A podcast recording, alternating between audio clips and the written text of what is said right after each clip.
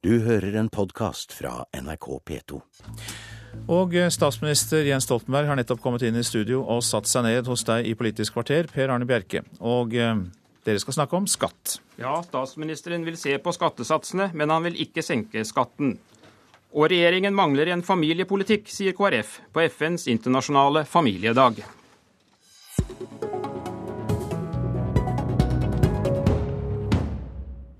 Velkommen hit, statsminister Jens Stoltenberg. Tusen takk.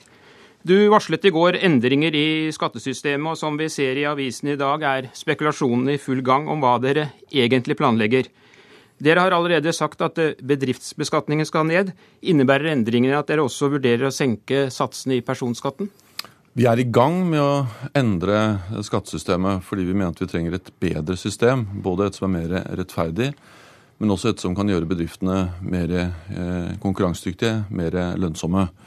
Og Det vi har gjort, er jo å gripe fatt i noe som er ganske alvorlig, nemlig at vi ser at selve skattegrunnlaget forvitrer. Veldig mange bedrifter flytter penger mellom land, bruker skatteparadiser eh, og unndrar seg det, på den måten beskatning. Nå tetter vi de hullene, eh, og det gir oss økte inntekter. Og i tråd med skatteforliket, eller skatteløftet vårt, så bruker vi de økte inntektene til å redusere andre skatter. Eh, slik at vi opprettholder det samlede skattenivået. Og Det er den omleggingen vi ønsker ja. å fortsette. Men det du sier nå betyr at vanlige lønnsmottakere får mer eller mindre skatt på inntekten sin, personbeskatningen? Altså Vi legger ikke opp til noe vesentlig endring i personbeskatningen. Det vi, ja, skal satsen fortsatt være 28 vi har nedsatt et utvalg som skal se på eh, hvordan vi skal utforme dette i framtida. Men det er et utvalg som først og fremst handler om bedriftsbeskatningen. Og vi er mer opptatt av å gjøre noe med skattene for bedriftene. Vi har altså allerede eh, varslet og fortalt hvordan vi skal finansiere og gjennomføre en reduksjon i eh, skattesatsene for bedriftene og for selvstendig næringsdrivende. Det er bra for norske bedrifter. Eh, men vi gjør det altså gjennom å utvide skattegrunnlaget. Det er en god tradisjon i norsk skattepolitikk at vi søker å utvide grunnlaget, tette skattehull og så bruke de økte inntektene det gir, til å redusere satsene. Og Det er det vi nå gjør for bedriftene. Jo, men kan dere senke bedriftsbeskatningen uten samtidig å gjøre noe med personbeskatningen? For hvis de forskjellene blir for store, så vil jo da en del mennesker tilpasse seg. Altså, Vi gjør jo allerede det nå ved at vi gjennomfører en reduksjon i bedriftsskattene og for selvstendig næringsdrivende. Og det eh, gjør vi fordi vi henter eh, inn ekstra skatteinntekter gjennom å tette skattehull, redusere internasjonale konserners mulighet til å uh, trekke fra gjeldssenter, uh, redusere skatten gjennom uh, å bruke skattehull. og fordi vi har lovet uendret skattenivå, så bruker vi de økte inntektene på ett område til å redusere satsene på et annet område. Så har vi bedt et utvalg se på hvordan vi kan gå videre. og Jeg er litt varsom med å spekulere i de ulike forslagene det utvalget kan komme med. Men eh, hensikten vår er jo å få til et mer rettferdig system. Et system som gjør bedriftene mer i stand til å trygge også framtidas arbeidsplasser. Og det har vi gjort de første tiltakene allerede nå. Ja, du snakker hele tiden om bedriftene, statsminister, men når vi leser eh, referatene fra det du sa på denne pressetilstelningen i går, så får man jo inntrykk av at du også er opptatt av å se på satsene i personbeskatningen. Er det riktig, eller er det ikke riktig?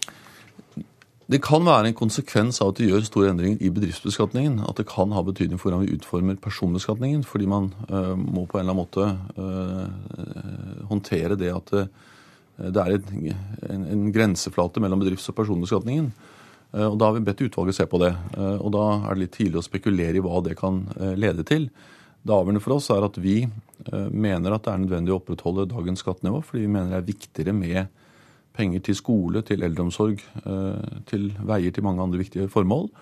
Og Derfor kan ikke vi love generelle skattekutt, men vi kan love et bedre og mer rettferdig skattesystem Eh, og det er det vi har gjort og kommer til å fortsette ja. å gjøre. Men for å spørre på en annen måte, kan da et bedre og mer rettferdig skattesystem bety lavere satser, også at man heller tar inn pengene på andre områder? Altså at det totale skattenivået er det samme? Altså, det har vi allerede gjort. Jeg har overhodet ikke utelukket at vi også skal gjøre det i fremtiden. Vi har jo f.eks. Eh, redusert eh, skatten for de med lave inntekter. Vi har halvert andelen som betaler formuesskatt her i landet, ved at de med de minste formuene mange pensjonister, mange av de minste bedriftene, har nå null eh, formuesskatt, og mange med lave inntekter har fått mindre skatt. Men det har vi da gjort gjennom å omfordele, ved at de som har mye, betaler mer gjennom å tette eh, skattehull. Så det å omfordele skattebyrden, det å eh, lage systemet mer rettferdig ved at f.eks. de som har lite, betaler mindre, og de som har mye, betaler mer, det vil vi fortsette å gjøre. Men det er noe ganske annet enn generelle skattekutt. Redusere det samlede skattenivået. Og spesielt er noe annet enn å kutte skatten for de aller rikeste, noe som vil være tilfellet hvis man fjerner formuesskatten. I ettermiddag så reiser du til Sverige for å delta i nordisk statsministermøte, og svenskene har jo senket bedriftsbeskatningen til 22 dere reduserer altså fra 28 til 27% Kan Norge bli tvunget til å senke bedriftsskatten ytterligere for å minske forskjellen til landene rundt oss? Så vi har jo nedsatt et utvalg eh, og varslet at det kan bli aktuelt med eh, større reduksjoner i beskatningen av bedrifter og selvstendig eh, næringsdrivende. Men igjen, som en del av en omfordeling, utvide skattegrunnlaget, redusere satsene. Samlet opprettholder vi inntektene. Jeg ser for meg at vi skal gå lenger ned enn det første skrittet vi nå har gjennomført. Ned mot 22 Men Det mener jeg er litt for tidlig å si sikkert. Jeg tror vi skal se litt på det utvalget vi har nedsatt, med det formålet å komme med forslag eh, til oss. Eh, men det er jo ikke slik at vi nødvendigvis må kopiere hver eneste sats i det svenske systemet. Det eh, gjør jo heller ikke, altså det gjør vi ikke på noen områder. I Norge har vi en arbeidsgiveravgift som er null i Nord-Troms og Finnmark, og øker gradvis til 14% i de sentrale delene av landet. I Sverige er arbeidsgiveravgiften over 30 og forskjellen mellom 30 og 14 er titalls milliarder av kroner. Slik at eh, på noen områder har Sverige lavere sats enn oss, på andre områder har vi vesentlig lavere sats enn dem. og Vi skal skjele til hverandre, men vi skal ikke kopiere ja. sats for sats. Nå snakker du altså om å redusere bedriftsbeskatningen ytterligere. og Er ikke dette en innrømmelse av at høyresiden egentlig har rett, da, når de sier at bedriftsbeskatningen i Norge er altfor høy? Så for det første har jo høyrepartiene ikke foreslått kutt i eh, skattesatsene for bedriftene. De har jo lange lister med konkrete skattekuttforslag, først og fremst for eh, personer. De har ikke ett eneste forslag om én en eh, eneste kutt. Kutt i formuesskatten er vel også en fordel for mange bedrifter? Altså Formuesskatten er en personbeskatning. Det betales av personene, og det innebærer altså Og som rammer personlige eiere?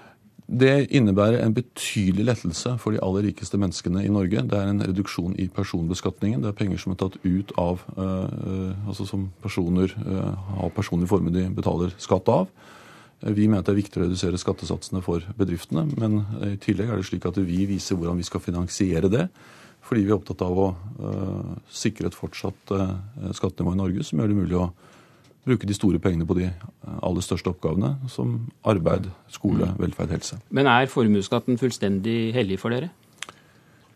Så Jeg mener at vi trenger en formuesskatt fordi det bidrar til eh, sosial rettferdighet i eh, skattesystemet. På samme nivå som i dag?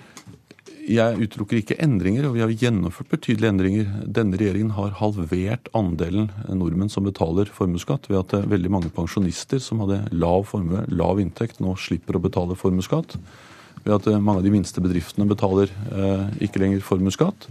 Men det har vi altså finansiert gjennom å tette skattehull, utvide skattegrunnlaget og bidra til at de som har mest, betaler mer. Så vi kommer til å fortsette å lage systemet mer rettferdig. Fortsette å gi lettelser til de som har lite, men finansiere det ved å uh, sørge for de som har mye, betaler mer. Men Betyr det du sier nå at det kan bli enda, som, enda flere som slipper formuesskatt i fremtiden? Så Jeg utelukker ikke fortsatt endringer. Vi har gjennomført betydelige endringer i formuesskatten allerede, og redusert for de som har de minste eh, formuene. Ikke minst mange pensjonister slipper nå å betale formuesskatt. De betalte formuesskatt eh, før. Eh, men det jeg advarer mot, er å fjerne formuesskatten.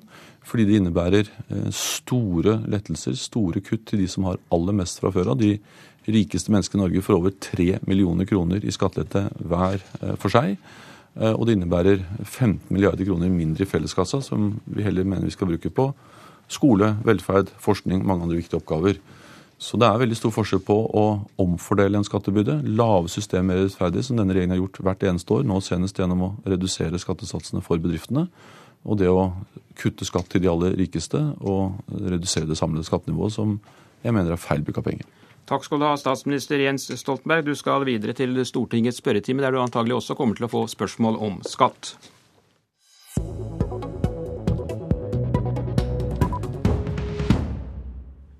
I dag er det FNs internasjonale familiedag, og du, Øyvind Håbrekke, familiepolitisk talsmann i Kristelig Folkeparti, benytter anledningen til å anklage regjeringen for ikke å ha noen familiepolitikk. Hva mener du med det? Jo, eh, vi, vi, vet jo det at eh, skole, barnehage eh, er viktig for barndommen. Men, men forskninga viser jo at skole knapt klarer, sjøl en god skole, knapt klarer å, å påvirke eller jevne ut forskjellene mellom, for, mellom ungene i forhold til de de, i forhold til de, den bakgrunnen ungene har fått fra familien. Tilsvarende er det med barnehageforskninga. Altså, familien er grunnlaget for, eh, for ungenes eh, trygghet. Og for åtte år siden, da vi fikk den rød-grønne regjeringa, så fikk, eh, så mista vi landets familieminister. Etter det har ikke landet lenger hatt noen familieminister. Og vi ser at uh, satsinga på å styrke familien gjennom samlivstiltak, gjennom foreldreveiledning, gjennom familievern, har blitt nedprioritert år for år for år. Og Det betyr at de viktigste relasjonene mellom mennesker, som betyr aller mest for at ungene skal ha det bra, de får liten støtte og null politisk oppmerksomhet. Og Dermed så trenger vi revitalisering, gjeninnføre familiepolitikken og gi landet en familieminister. Stortingsrepresentant Anette Trettebergstuen fra Arbeiderpartiet. Hva sier du til KrFs påstander om at dere ikke har noen familiepolitikk? Nei, det, det syns jeg jo er litt uh, på kanten til uh, humoristisk, egentlig. Vi har en, en familieminister som også er likestillingsminister, og disse tingene henger sammen av en grunn. Da, da moren til, til, han som var her tidligere, altså Karin Stoltenberg, på, på 70-tallet fikk i oppgave å, å, lage den første familiepolitikken, så, så spurte folk ja, hva er nå det? Hva er en familiepolitikk? I det arbeidet så fant de raskt ut av at det viktigste eh, i en ny familiepolitikk var å gi folk muligheten til å både kunne ha små barn, og at begge foreldrene kunne delta i arbeidslivet. Da eh, satte Arbeiderpartiet inn tiltak gjennom velferdsordninger for å gjøre det mulig å kunne kombinere det å ha små barn og det å jobbe. Og Det er langs det sporet at Arbeiderpartiet fortsatt fører vår familiepolitikk. Og, og, den virker jo. For Vi ser jo at vi er eh, et av de landene i Europa som, der folk føder flest barn. Vi har rekordhøy sysselsetting eh, blant kvinner. Vi har fått full barnehagedekning. Og vi har et samfunn og familier med høy grad av, av likestilling. Ikke minst så er vi opptatt av å føre en familiepolitikk der vi legger til rette for et mangfold av familier, ikke bare eh, A4 kjernefamilien som KrF hele tiden er opptatt av. Og vi er også opptatt av å gi flere muligheten til å kunne bli en familie gjennom f.eks. Eh, assistert befruktning, og hjelpe de som i dag sliter med, med det som kanskje er det viktigste i livet, det å få lov til å få barn og, og, og kunne bli en familie. Eh, Håbrekke, for å spørre, Er det det dere egentlig drømmer om, å komme tilbake til en tid der en av ektefellene hadde mulighet til å være hjemme, og tilbake til den gamle modellen med kjernefamilien, slik vi hadde det tidligere? Vi har heldigvis et stort mangfold av familier og hvordan folk lever livene sine, og det er bra. Men jeg syns jo at eh, innlegget til Trettebergstuen her viser veldig godt behovet for å gjeninnføre familiepolitikken og få en familieminister. fordi ja, vi er enige om at vi skal legge til rette for høy deltakelse i arbeidslivet blant kvinner, blant menn. Ja, vi er enige om å kjempe for likestilling. Men familiepolitikk kan ikke bare bli en arena for å oppnå andre mål for arbeidsliv og likestilling. Familiepolitikk må handle om innholdet i familielivet i hverdagen, og hvordan vi kan legge til rette for at familiene kan leve gode liv sammen, og hvordan ungene kan få en trygg oppvekst. For eksempel, kan jeg nevne et par eksempel. Barnevernet, som vi nå behandler en stor sak om på Stortinget, der har vi de siste fem årene hatt en 22% vekst i antall unger i barnevernet. I, I, psykiatrien så behandler man jo 5% av landets barn og unge. Det er klart at Vi må spørre oss hvordan, hvordan kan vi komme inn enda tidligere og styrke familiene for at familiene skal leve godt sammen, for å gi ungene en tryggest mulig oppvekst og bakgrunn. Her, slår han, her, slår han, inn åpne dører. Er det noe den regjeringa har gjort, har det vært å, å satse på barnevernet. Men når KrF ber om om en ny familiepolitikk, så skal, så skal, folk merke seg det. Eh, for det KrF i realiteten har foreslått og vedtatt på sitt landsmøte, er for det første å snevre inn rammene for hvem som kan forbli bli familie. Homofile og lesbiske skal ikke lenger få lov til å gifte seg under ekteskapsloven. De skal forby, uh, forby assistert befruktning gjennom sæddonasjon, så færre skal få muligheten til å bli en familie. Og man vil øke kontantstøtten. I Spydeberg, der KrF styrer, så må uh, en dame tjene over 400 200 000 kroner før det skal lønne seg å jobbe. Det er ikke en framtidsretta familiepolitikk, mener jeg. Det er en gammeldags konservativ familiepolitikk der målet er at damene skal være hjemme. Ja, Her snakker vi oss bort fra realitetene. for det, altså, Den rød-grønne regjeringa har jo ingen familieminister verken for eh, den ene eller andre type familien. Vi vil ha en familieminister for alle typer familier. Og det som er realiteten, er at de virkemidlene som virkelig handler om familieliv, og ikke handler om deltakelse i arbeidslivet eller andre mål for storsamfunnet, det er f.eks. familievern, samlivstiltak for at familiene både skal kunne ha det godt sammen og samarbeide godt hvis man flytter fra hverandre. Og Det er familievern, det er foreldreveiledning, det er familiepolitikk, og det har blitt nedprioritert i denne regjeringa. Der må jeg si takk til dere to, og det var Politisk kvarter med Per Arne Bjerke. Du har hørt en podkast fra NRK P2.